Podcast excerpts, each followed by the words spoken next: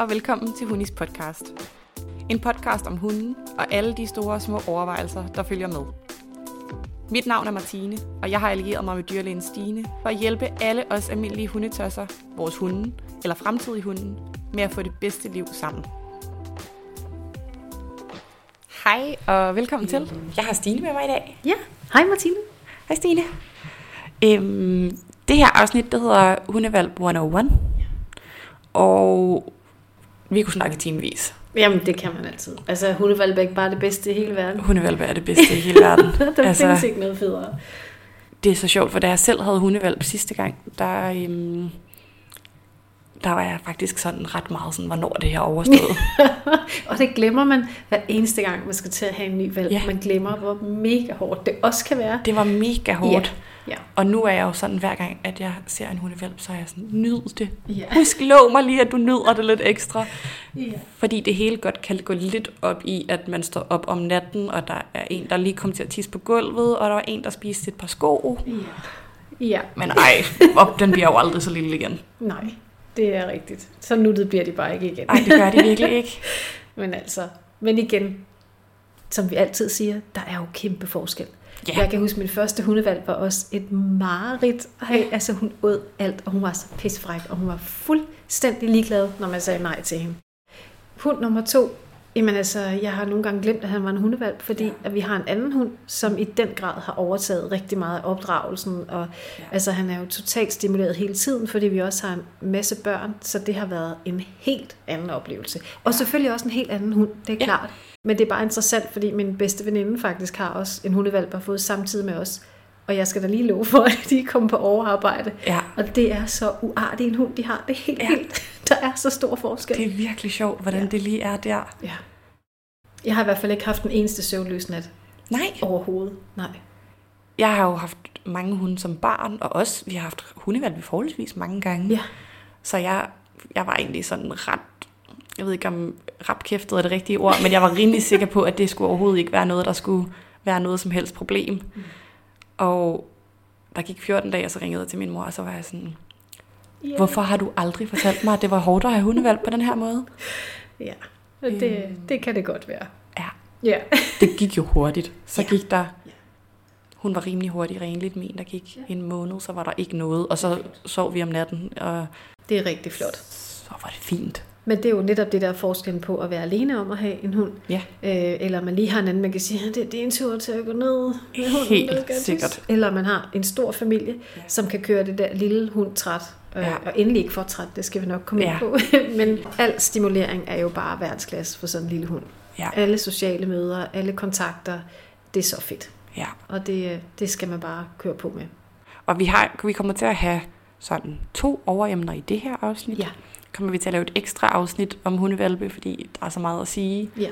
Men vigtigst af alt kan man vel godt starte med at sige, at hundevalpe, jo mere man kan få lov til at prøve, stadig med en hund, der ikke bliver bange og presset eller overstimuleret, men jo federe er det, fordi det er, det er her, den tager det med videre. Lige præcis. Det er virkelig med til at forme faktisk resten af dens liv, og hvordan den ser øh, på mødet med andre mennesker øh, og andre hunde øh, resten af sit liv. Så det er sindssygt vigtigt. Ja, og i det her afsnit, der tænkte jeg, at vi skulle snakke lidt om renlighed. Ja. Og lidt om socialisering. Ja. Og hvis vi starter med renlighed, ja. så... Øh... Jeg vil sige, det spørgsmål, jeg altid får stillet, det er, hvor lang tid skal jeg regne med, der går, før min hund er renlig? Ja. Der vil jeg sige, der er faktisk nogen, der sådan set næsten er renlige, når de kommer fra deres ja. opdrætter. Mm. Især hvis det er en opdrætter, som har haft adgang til en have, og ja. som faktisk er gået meget, har, altså været meget opmærksom på at få mm. lært de her hunde øh, at lave udenfor. Ja. Øhm, så det kan man faktisk godt opleve nogle gange. Det er mhm. selvfølgelig drømmescenariet. Ja. De fleste hunde, øhm, og især nu hvis det er et vinter- eller efterårskuld, så mm. kommer de jo ikke lige så meget udenfor. Ja. Så har de bare gjort det på en avis ind i en eller anden hundegård. Ikke?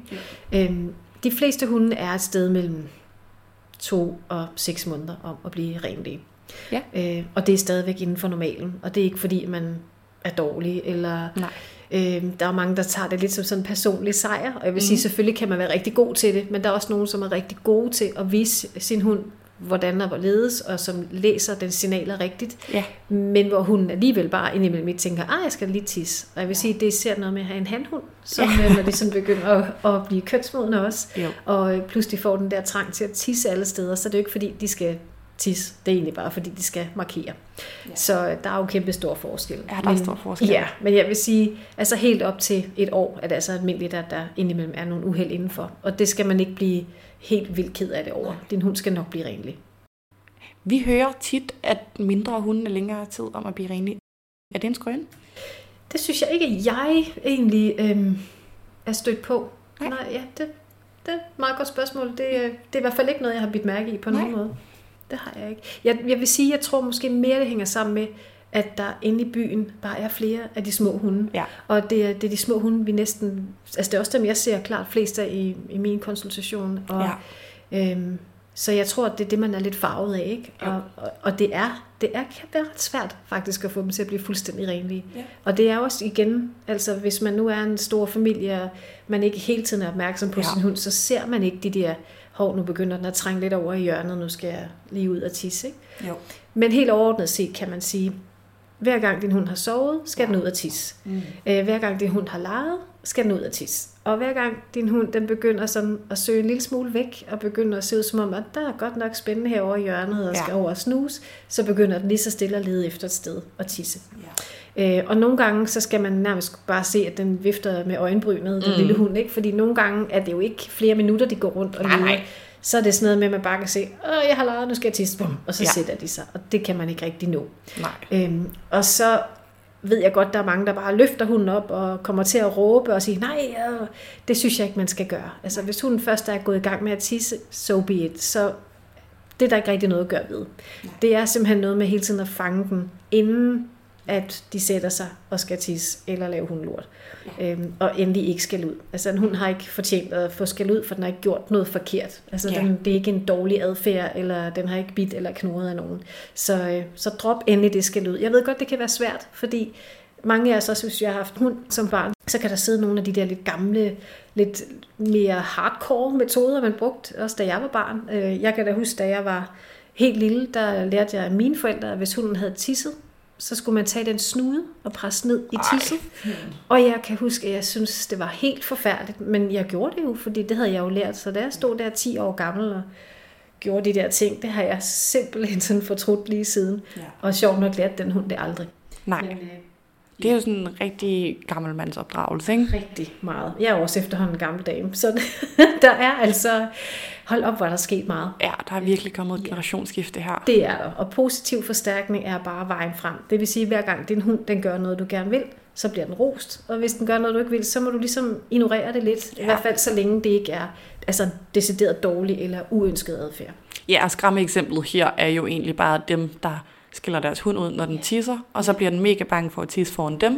Og det betyder, at den så gemmer sig ind i soveværelset og tisser, og så er det bare lige lidt senere, man opdager, at den Ja. har tisset. Og så får du det hele taget en hund, som ikke rigtig helt ved, hvornår den kan stole på dig. Fordi Ja. den bliver utryg, hvis du pludselig farer op. Ja. Fordi hunden forstår ikke, den kobler ikke de to ting sammen. Og lige pludselig, når den gør, så bliver det noget negativt, som du også siger. Ikke? Det der med Jo. at tisse eller sætte sig og lave hundelort. Så det er virkelig vigtigt, at man ikke gør det. Ja. Ja, det er godt nok, øh, der kan man godt nok komme galt afsted. Ja, Jeg vil sige, når man bor i lejlighed, så synes jeg, at det, der virkede allerbedst, da jeg selv havde hundevalg, det var faktisk at tage den op, når man så, nu havde den lige lavet, ja, op i fordi Ja. Jeg har ikke rigtig mødt nogen hundevalg, der tisser, når de er oppe. nej. Og så, hvis man bor i lejlighed, så det der med, når man vågner om natten, også sætte en lille alarm til, at nu er det vist ved at være tid til, at den skal ned og tisse. Ja, Når den først er vågen, så er det bare at have den op på armen, fordi man skal også lige selv have noget, der minder om noget overtøj på, og ned ad trappen. ja. Ja. Altså, jeg, jeg kan huske i hvert fald med, med min egen, den lille nye, jeg har, Mm. at øh, han vågnede gerne sådan klokken 6, halv syv, så skulle han tisse, og så skulle han også tisse her nu. Så Ja. nogle gange måtte jeg jo bare gå ned nærmest i mit undertøj og stå Ja. ja. nede i gården, og jeg krydsede bare fingre for, at jeg ikke mødte nogen. Ja. Ja. Fordi hvis jeg først skulle stå og have sko på og øh, Ja. tøj, nej nej, så var det løbkørt.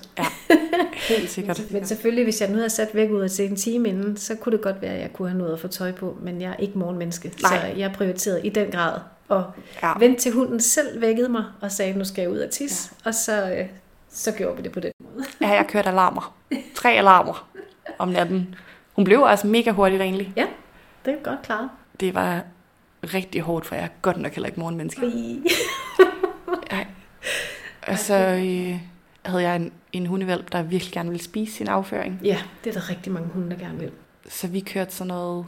Øh, hver gang den havde gjort noget, så var der mega mange godbidder for, Ja. at den ligesom Ja, at hun simpelthen koncentrerede sig om, at hun skulle have en snack, Ja. i stedet for at begynde at spise noget. ja, Hvilket resulterer i, at jeg stadig har en hund på to og et halvt år, der hver gang hun har sat sig og kigger op på mig, som om, at skal jeg ikke have en godbid? Nå, Nå, hvor er det sødt.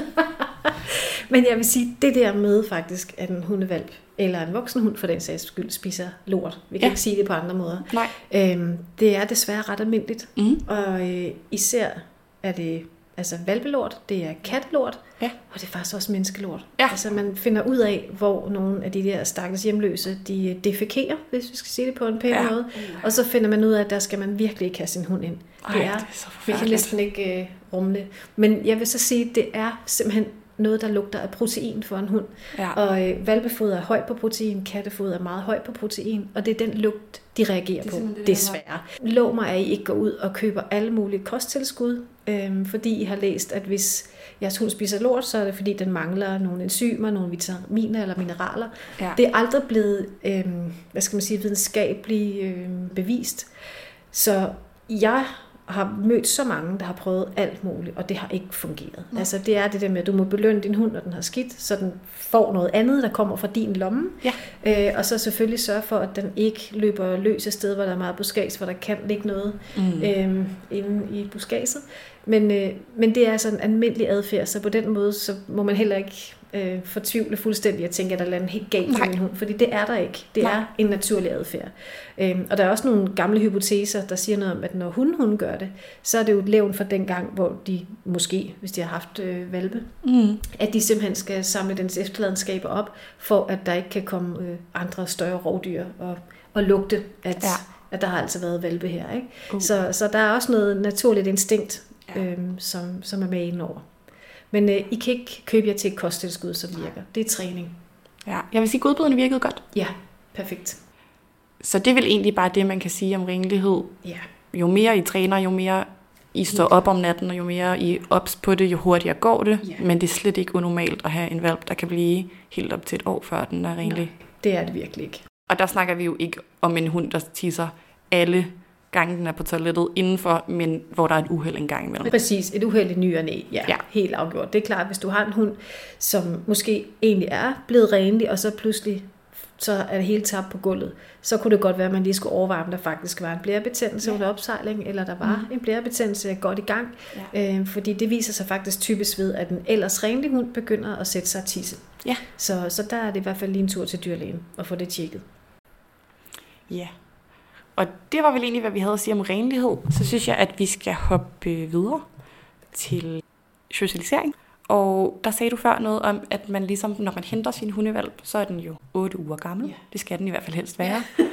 øhm, så sagde du noget om, at man har et socialiseringsvindue. Kan du ikke øh, fortælle lidt om det? Jo, altså der er nogle utrolig vigtige uger, øhm, og det kan være svært præcis at sige, hvornår det starter, men øh, der er i hvert fald nogle vigtige uger hos avleren, øh, i hvert fald de sidste par uger, sådan fra omkring 6 uger, men altså også de første par måneder, hvor man selv har sin valp, som er af, altså afsindig vigtige og virkelig, virkelig afgørende øh, for, hvordan den her valp, den møder omverdenen. Det Mm. skulle gerne være sådan, at den synes, det er vildt spændende og stimulerende og interessant. Ja. Så, øh, så det skulle gerne være en nysgerrig valg, man får ud af det, Mm. øh, hver gang den møder andre mennesker og Mm. andre hunde. Øh, så jo flere forskellige ting, som hunden møder, øh, hvor man selvfølgelig holder øje med, at det ikke bliver for meget, Mm. og det kan altid være lidt svært, men det er noget med igen, men lige så stille, jo længere tid du har din hund, jo mere lærer du også din hund at kende. Øh, og du begynder at, at tolke den signaler, hvis du sådan kan se, at den har måske været på gulvet og leget, hvis jeg er et nyt sted for eksempel, og begynder mm. at søge op i dit skød, og egentlig godt bare Ja. vil sidde og sove, så er det et klart signal om, at nu har jeg egentlig brug for at sove lidt. Ja. Og så er det meget vigtigt at respektere det. Og typisk også, hvis øh, man har en valp, som måske ikke derhjemme har små børn at lege med, men pludselig får besøg, eller er ude hos nogen, hvor der er små børn, og man også kan mærke, at i starten, så synes de fleste hunde, det er mega fedt, for de kan mærke, at der bliver leget på en anden måde. Ja. Men lige pludselig begynder de måske også at løbe væk fra det her barn, og man ser bare barnet, der løber efter valpen. Ja. Det er altså også virkelig vigtigt at sætte ind der, Fordi hvis en valg først får en lidt sådan dårlig oplevelse med små børn, så er det jo også noget, der kan sætte sig. Fordi at valgen kan mærke, at den bliver ikke respekteret. Dens grænse bliver overhovedet ikke respekteret, mm. medmindre der er nogle voksne indenover. Ja, så vi har sådan en introduktion til de typer mennesker, man gerne vil have, sin hund skal kunne. Yeah. Øh, og så er der jo nogle raser, der er, der er mere menneskeglade, eller man skal yeah. sige, end andre. Jeg er selv en hyrdehund. Vi har virkelig menneskesocialiseret meget. Yeah. Bare fordi jeg, det var vigtigt for mig, at der kommer mange mennesker i mit hjem, og det skulle ikke være noget, hvor jeg havde en hund, der stod og hylede eller gøde, eller... Eller var utryg hver gang, der ja, kom præcis. Øhm, og så har vi jo hundesocialisering. Yeah.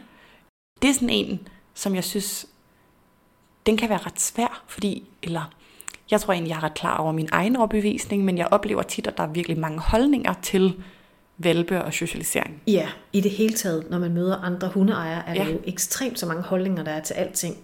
Øh, og mange har det faktisk også med at blive, ikke mange, men dem, der er fordømmende, mm. dem har man svært ved at glemme igen, for det kan faktisk blive ja. ret overvældende nogle gange, mm. øh, hvordan man nærmest skal få at vide, at man gør alting helt forkert. Ja.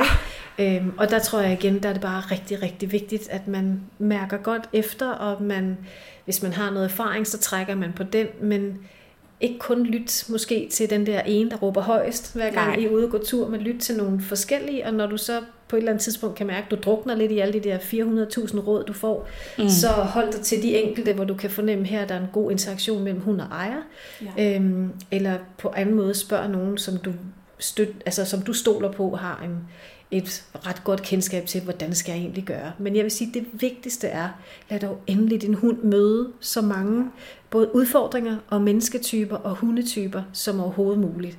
Øhm, og så får vi jo altid det her spørgsmål, men de er jo ikke færdigvaccineret. Nej, det er jo også rigtigt, at hvis de er 10 uger, så er de jo ikke færdigvaccineret endnu. Nej. Men de har trods alt fået én vaccine. Mm. Og langt de fleste andre hunde er jo heldigvis også vaccineret. Så man kan jo selvfølgelig, hvis man er overforsigtig, og det må man jo gerne være, så kan man jo selvfølgelig spørge, om den hund, som, ens, som man måske møder på sin vej, om den er færdigvaccineret. Altså, selvom de ikke er færdigvaccineret, så er de jo trods alt dækket. De er bare ikke fuldt ud dækket. Nej. Så øh, med alt det her snak om covid og så videre, så ved vi jo, at en vaccine kan jo dække, men den tager jo ikke noget som helst 100% alligevel. Men det jeg vil sige med det, det er bare, det er vigtigere, synes jeg, at tage højde for hundens sociale læring øh, og mm. resten af hundens sociale liv, end at det er at måske gå helt vildt meget op i, om det nu snakker med en hund, som er vaccineret eller ej. Ja. Øh, så øh, det, det er utrolig vigtigt med den socialisering, og, og det er jo det, vi så meget gerne vil have frem her, det er jo netop, at din hund skal gerne møde alle mulige forskellige typer af mennesker, og gerne folk, der er ude at løbe, folk, der står på løbehjul, folk, ja. der er på skateboard, folk på knallert, folk på mm. cykel, folk med hue, øh, folk med store ja. solbriller, folk, der er fulde, der går mærkeligt, folk, der øh, humper. Øh, altså, fordi hunde, de kan jo gøre de mærkeligste ting, når de bliver større, hvis ikke de har mødt alle de her forskellige øh, typer af mennesker og bevægelsesmetoder, øh, bevægelsesmønstre. Ja. Så, så lad endelig din hund opleve så meget som overhovedet muligt. Og det gælder vel også, altså det her med forskellige mennesker gælder jo også i forhold til forskellige typer hunde. Lige præcis. Så det skal være ja. kortsnude, langsnude, ja. store hunde, små hunde. Ja. Jeg vil sige, mit indtryk har altid været, at man skulle prøve at fodre dem med gode oplevelser. Ja. Men jeg hører også tit folk, der synes, at valpe skal hilse på hunden ligegyldigt hvad, og så kan det godt være, at den bliver sat på plads. Mm. Øhm, og det har været en af dem, hvor jeg har synes, at det synes jeg er lidt svært. Ja, Ja, og det, det synes jeg heller ikke, de skal. Det er jo det her med, at man altid skal have sin sunde fornuft med sig. Altså, mm-hmm. man skal se, hvordan ser det her møde ud. Ja. For det er jo heller ikke alle hunde, som er helt vildt gode til valpe. Nej. Så det er jo da det første, jeg spørger Det er jo selvfølgelig, hvordan har din hund det med andre valpe? Og hvis mm-hmm. folk så siger, at han eller hun elsker bare valpe, det er super fint næste ting, jeg kigger på, det er størrelsen på den hund, jeg møder. Fordi nu har jeg selv en ret lille hund. Jeg har mm. to, ikke? men den lille der, han vejer jo kun 4-5 kilo. Så han skal jo ikke lege med en eller anden kæmpe stor hund. Fordi selvom det er en sød hund, der viser hensyn, hvis en stor hund falder oven på en lille hund, så får vi altså bare nogle gange nogle brud. Ja. Øh, og de brud, vi kan se hos øh, valpe, det sidder typisk i det, der hedder vækstlinjerne. Altså det er der, hvor selve væksten den foregår, for den foregår ikke i hele knoglen. Den foregår ligesom i sådan nogle bånd, der sidder, som er lavet af brusk. Det vil sige, det er lidt mere blødt. Ja. Og hvis du får et brud i sådan en vækstlinje, mm. så kan det blive ret kompliceret, fordi ja. så vokser det ben muligvis ikke, som det skal fremadrettet. Og det er ikke så fedt. Så skal vi ud i at have forlænget knoglen og sådan noget, når voksen bliver større, og det skal vi ikke ud i. Det bliver noget rigtig rod. Så øh, jeg er meget påpasselig med størrelsen. Det er faktisk det eneste, jeg egentlig er lidt hysterisk med.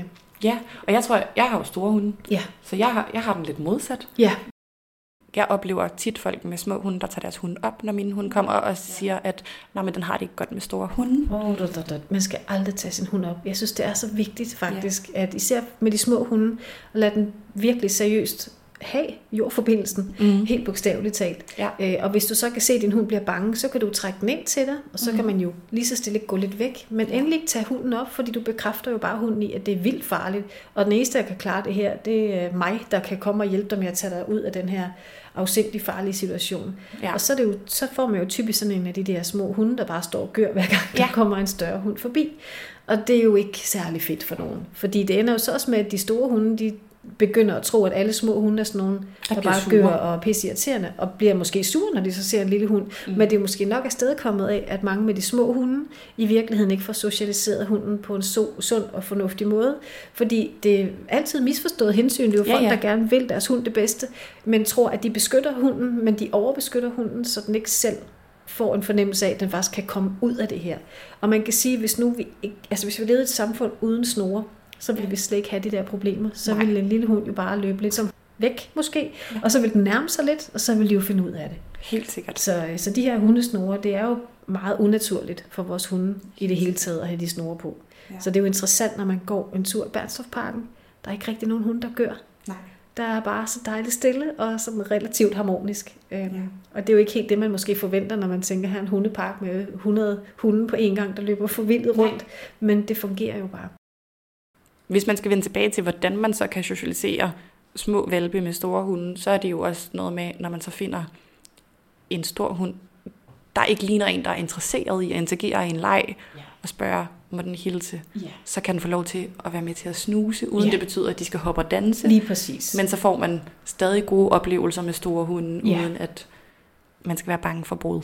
Ja, men nogle gange er det faktisk godt at møde de hunde, der ikke gider at lege, fordi de er meget mere rolige. Altså nogle gange kan det faktisk være de store hunde, som jo vildt gerne vil lege, mm. som skræmmer en, en lille valp helt vildt meget. Ikke? Mm. Så, så netop igen, altså alle hunde I møder, hvis den anden hund vil hilse, så gør det endelig. Ja. Der er jo desværre også mange, som ligesom ikke kan, fordi de har, du ved, måske en gadehund, eller en anden dårlig adfærd. Altså, det må man jo så bare tage med, ikke?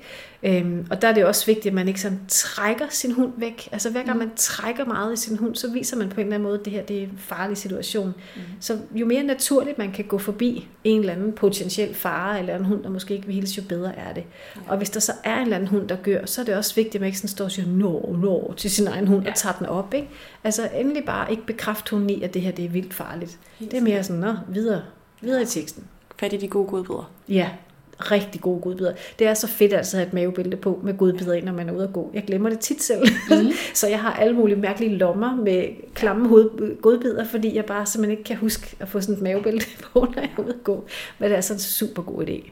Ja, og så er det vel i virkeligheden det her med, når man går rundt- med sin lille hundevalp og skal spørge om, er din hund venlig over for valpe, så er det jo også en super god øvelse til, når man har en voksen hund, Ja. og få indøvet det her med altid at få spurgt, om, Ja. Om de må hilse. Helt klart. Jeg har ikke særlig ofte snor på min hund, må jeg indrømme. Og der er det jo bare også alfa og omega altid lige at få kaldt sin hund til sig og få spurgt, er det okay, at de siger hej? Ja. Så ja, så vi har både socialisering i forhold til andre hunde, og socialisering i forhold til mennesker. Ja. Og så er der vel, jeg ved ikke, om man kan kalde det socialisering, men det er jo også bare generelt det her med at introducere en masse nye ting. Helt afgjort. Altså man kan sige, men i forhold til socialisering, føler det også meget vigtigt det der med, at de vender sig til, at der kommer mange i hjemmet. Ja. Fordi man kan sige, at en ting er at møde folk på gaden og hunde mm. Mhm. på gaden. Lad endelig både hunde og børn og alle mulige forskellige mennesker komme på besøg. Måske ikke i flere timer ad gangen, men bare sådan til en kop kaffe. Især ja. når hunden er lidt mindre. Ikke? Ja. Øhm, fordi det er også så vigtigt, at de lærer, at det er helt normalt, at det, det ringer på, og at der kommer folk ind. Og det er ikke noget, vi skal stå og gø, jeg synes er farligt. Men Mhm. jo flere gange man har oplevet det, jo mere naturligt bliver det. Det er lidt ligesom med børn og broccoli. Ikke? Jo flere gange det har været på tallerkenen, jo større er sandsynlighed for, at de spiser det. Så jo flere gange der har været nogle mennesker, og hunden og alt muligt andet på besøg, jo, altså jo større sandsynligheden for, at det bliver naturligt, og det kommer til at gå godt. Ja. Så gør endelig det. Noget af det, som jeg oftest siger til folk, det er, tænk rigtig meget over, hvordan dine gæster kommer ind i der- jeres hjem. Ja. Hvis det er vigtigt for dig, at du ikke har en hund, der hopper op, eller du ikke har en hund, der gør, så vær god til også at fortælle dine gæster, at det er vigtigt for dig. Og måske vent fem minutter, før man siger hej til Fido, Ja. så det ikke bliver sådan en, hej lille mus, ja, præcis. fordi så har man helt sikkert en hund, der kommer til at hoppe op. Ja, det er rigtigt. Jeg vil sige, det jeg faktisk har gjort med min egen, det er, at jeg typisk lige lukker dem ind. Det øjeblik, der kommer nogen. Øh, og det har også noget at gøre med, at nogle gæster er ikke så glade for hunden. Helt sikkert. Selvom man besøger mig som et dyrlæge, ja. så ved de nok godt, der er hunden. Ja. Men det er også noget at gøre med, at så er de ikke sådan lige så op og køre. Og, mm, og så når folk så sidder ned, så åbner vi døren op, og så kan de komme ud og hilse, og så bliver det meget mere roligt. Ja, Øhm, det er så, også en god idé. Ja, så det, det har faktisk fungeret for os, selvom jeg jo altid også sådan umiddelbart har tænkt, ej, det der med at lukke dem væk og isolere dem, det er da heller ikke sundt, men det er kun lige altså et minut til halvandet, og så, så snart folk har sat sig ned, så lukker vi op igen. Øhm, og det er jo igen, fordi den ene hund er sådan en meget høj energihund, og hun Ja. ja. kan godt få kørt sig selv lidt op. Hun kommer ligesom lidt ned i gear, og det fungerer i hvert fald rigtig fint. Og så kan man jo også sige, at der er jo ikke noget, der behøver at være for evigt. Nej. Jeg startede med at lære min hund, at hun skulle ligge i stuen, når der kom gæster. Nu er det sådan, at når der er nogen, der ringer på, så løber hun ud ned og henter mig og siger, nu kommer der Nej, nogen. hvor er det fint. Og så åbner jeg døren, og så Ja. til langt de fleste gæster, så løber hun ud i opgangen. Ja, Og det er jo en adfærd, der overhovedet ikke havde fungeret, hvis ikke hun var mega god til at tage imod er gæster. rigtigt. Ja. Men det er også noget, jeg tror, hun kan, fordi at hun Ja. i lang tid vidste, at man lå helt stille, når der kom nogen. ja, hvor er det fint. Så bare fordi man har en hund, der det første halve år skal lære, hvordan man tager imod gæster, så kan det godt være, at man kan løsne lidt op, når Ja. man har grundstenene ordentligt på plads. Det er rigtig meget øh, dynamisk faktisk oplevelse at have en hund, ikke? fordi Mm. de udvikler sig godt nok meget igennem sådan et liv. Altså, Vildt og mærkelige sjove vaner, de havde, og ja. ting, de ikke kunne lide, eller ting, de kunne lide, det kan ændre sig markant igennem et liv. Ja. Øh, men du snakkede også lidt om før, det her med at introducere dem for alle mulige forskellige ting, altså Ja. forskellige lyde. Mm. Øh, og jeg tror, altså, jeg kan da huske, da vi fik, nu har vi jo en gadehund, og så en almindelig øh, hund fra valp, ikke? Og gadehunden, hun skulle sådan vende sig meget til, vi har sådan en kaffekværn, som larmer Ja. helt vildt meget, eller en blender, der larmer, eller mm. en vaskemaskine. Og det, jeg tror bare, det vigtigste, man kan gøre, det er at være simpelthen selv så rolig omkring alle de der lyde, Mm. og ligesom man kan sådan se, at de lige løfter et øre og tænker, ej, det er sådan lidt vildt, eller hvis de løber væk på en eller anden måde. Øhm, bare være så naturlig omkring det som muligt, og lige prøve at kalde dem ud, og igen give en god bid, når du sådan er tæt på den der ting, der måske potentielt kunne være lidt farligt, når de sådan ligesom viser, at nu de rolige i kropsproget igen, ikke? så kan man lige prøve at tænde for den ting, der måske har skræmt, Ja. og så give en god bid, og så med tiden, altså hvis det er en lyd, der er der mange gange om dagen, så vender de sig selvfølgelig også til det, ikke? men så de ikke skal få alt for mange chok øhm, så er det rigtig vigtigt, at de kan se, at vi er rolige, fordi Ja. de, altså, de afkoder jo også hele tiden vores kropssprog. Ja. Øhm, så det er, ja, og lyde fra gaden i det hele taget. Ikke? Jo. Så øh, alt, hvad man kan gøre for at holde sådan niveauet af energi lidt nede, det er faktisk super, super godt. Og så er der jo også nogle hunde, som øhm, omkring sådan en halvt års tid, hvis de bor i hus for eksempel, og de har en have, eller i hvert fald et vindue, der er, øh, alt efter hvor store de er, men i en højde, hvor de kan kigge ud, der er der også mange hunde, der begynder at blive sådan lidt småstresset, fordi de hele tiden holder øje med alting, hvad der er udenfor. Ja. Og der er der simpelthen nogle gange, hvor det bedste, man kan give sin hund, det er et rullegardin. Ja. Øhm, så man ligesom får skærmet af. For, for det kommer ind på, hvad for en hund man har. Mm. Men mange hunde, de kan blive meget kørt op, fordi de simpelthen tror, at de skal passe på, hund, øh, på hus og have. Ja. Øhm, og kan slet ikke få ro, medmindre de simpelthen ligger et sted, hvor der bare er lukket af for det, de kan se udenfor. Ja. Så, og, og sådan skal det heller ikke være hele tiden, men det kan være fint i en periode, indtil man ligesom får trænet, det skal du ikke uh, tage dig af. Mm. Vi uh, går turene udenfor, og det er super fedt, og når du er herinde, så... Skal du bare slappe af. Lige præcis. Det er jo igen, som vi har snakket om i mange af de andre ting, så, så handler det jo også bare vildt meget om, at man får taget de her ting godt i opløbet. Ja, ja, Øhm, altid. Jeg har sådan en ting, som jeg tit snakker med mine venner om, fordi at min hund den tigger. Øhm, og jeg har mange venner, der siger, at jeg er jo det største hundemenneske, de kender, hvordan jeg kan have en hund, der tigger. og der plejer jeg at sige, at man skal vide, at hunden kan de ting, man gerne vil have, de skal kunne. Eller det kan de i hvert fald i mange af tilfældene. Så hvis det er helt vildt vigtigt for en, at ens hund er social eller kan være alene hjemme, så er det jo nok der, man har fokus. Ja. Og så kan det være, at ens hund bliver uopdragen på nogle andre punkter, Ja. fordi det måske ikke er helt lige så vigtigt for en. Helt afgjort. Jeg er helt med på det hold der. Jeg synes nærmest, det er lidt sjovt, når min hund tigger. Jeg kan ikke forklare dig det. Altså, det er jo åndssvagt. Men Ja. jeg synes bare, der er et eller andet over den der... Så de bliver sådan lidt barnlige på en eller anden måde, og sidder sådan næsten og tripper. Og Ja. min hund, hun kan sådan ser sådan der glamper med munden, den ene. Det ser simpelthen så sjovt ud. Og altså, jeg har jo børn, der sidder og siger, mor, du skal ikke give hunden mad ved bordet. Jeg gør det godt nok først, når vi er færdige med at spise, men jeg sidder ved bordet. Ikke? Det er jo helt vildt plat, men jeg synes, det er sjovt. Ja. Og hun, de ved godt, de gør det ikke under hele måltidet, men sådan, når vi begynder at lægge bestikket, så begynder de at sidde sådan og lave de der sådan lidt små, sjove lyde. Og det er fuldstændig, som du siger, altså, det er jo fordi, at jeg et eller andet sted næsten har opmuntret til det, ja, ja. fordi jeg, jeg synes, at det er lidt morsomt. Øh, og jeg altid giver øh, altså proteinrester, hvis der er noget fisk, eller kød, eller æg, eller hvad man nu mm. spiser. Jeg giver altid nogle rester. Øh, og det er jo mega svært, fordi jeg kan da godt forstå, at mine gæster ikke synes, det er mega fedt, at min hund sidder og spiser deres mad med øjnene. Men jeg tror bare, at jeg jo jeg kan jo ikke lade være at synes, det er lidt hyggeligt. Ja. Og så er det jo svært at fortælle sin hund, at du må ikke, når der er gæster. Jeg vil sige, at vores problem i situationstegn er, at min hund får hjemmelavet mad. Så når ja. det lugter mad, så ved de også godt, at der er mad til dem. Så det kan være lidt sværere for dem at skille. Ja. Øhm, så, så man kan sige, det er jo et lille problem der, at man tilkøber sig, når man gør det. Ja. Og, og jeg startede simpelthen med hjemmelavet mad, fordi min forrige hund ikke kunne tåle ret meget. Nej. Og, øhm, og jeg har aldrig været sådan super fan af tørkost, fordi man siger jo også, til mennesker, man ikke skal spise så meget forarbejdet mad. Ja. Øhm, så det der med, at det er så forarbejdet, altså der, der ryger jo simpelthen noget af den der det er klart. gode energi, der skal være i maden. Det, ja. det er ikke så frisk, kan man sige. Det er voldsomt forarbejdet. Ikke? Så, så jeg kan godt lide ideen om at give noget mad, der er lavet helt fra bunden.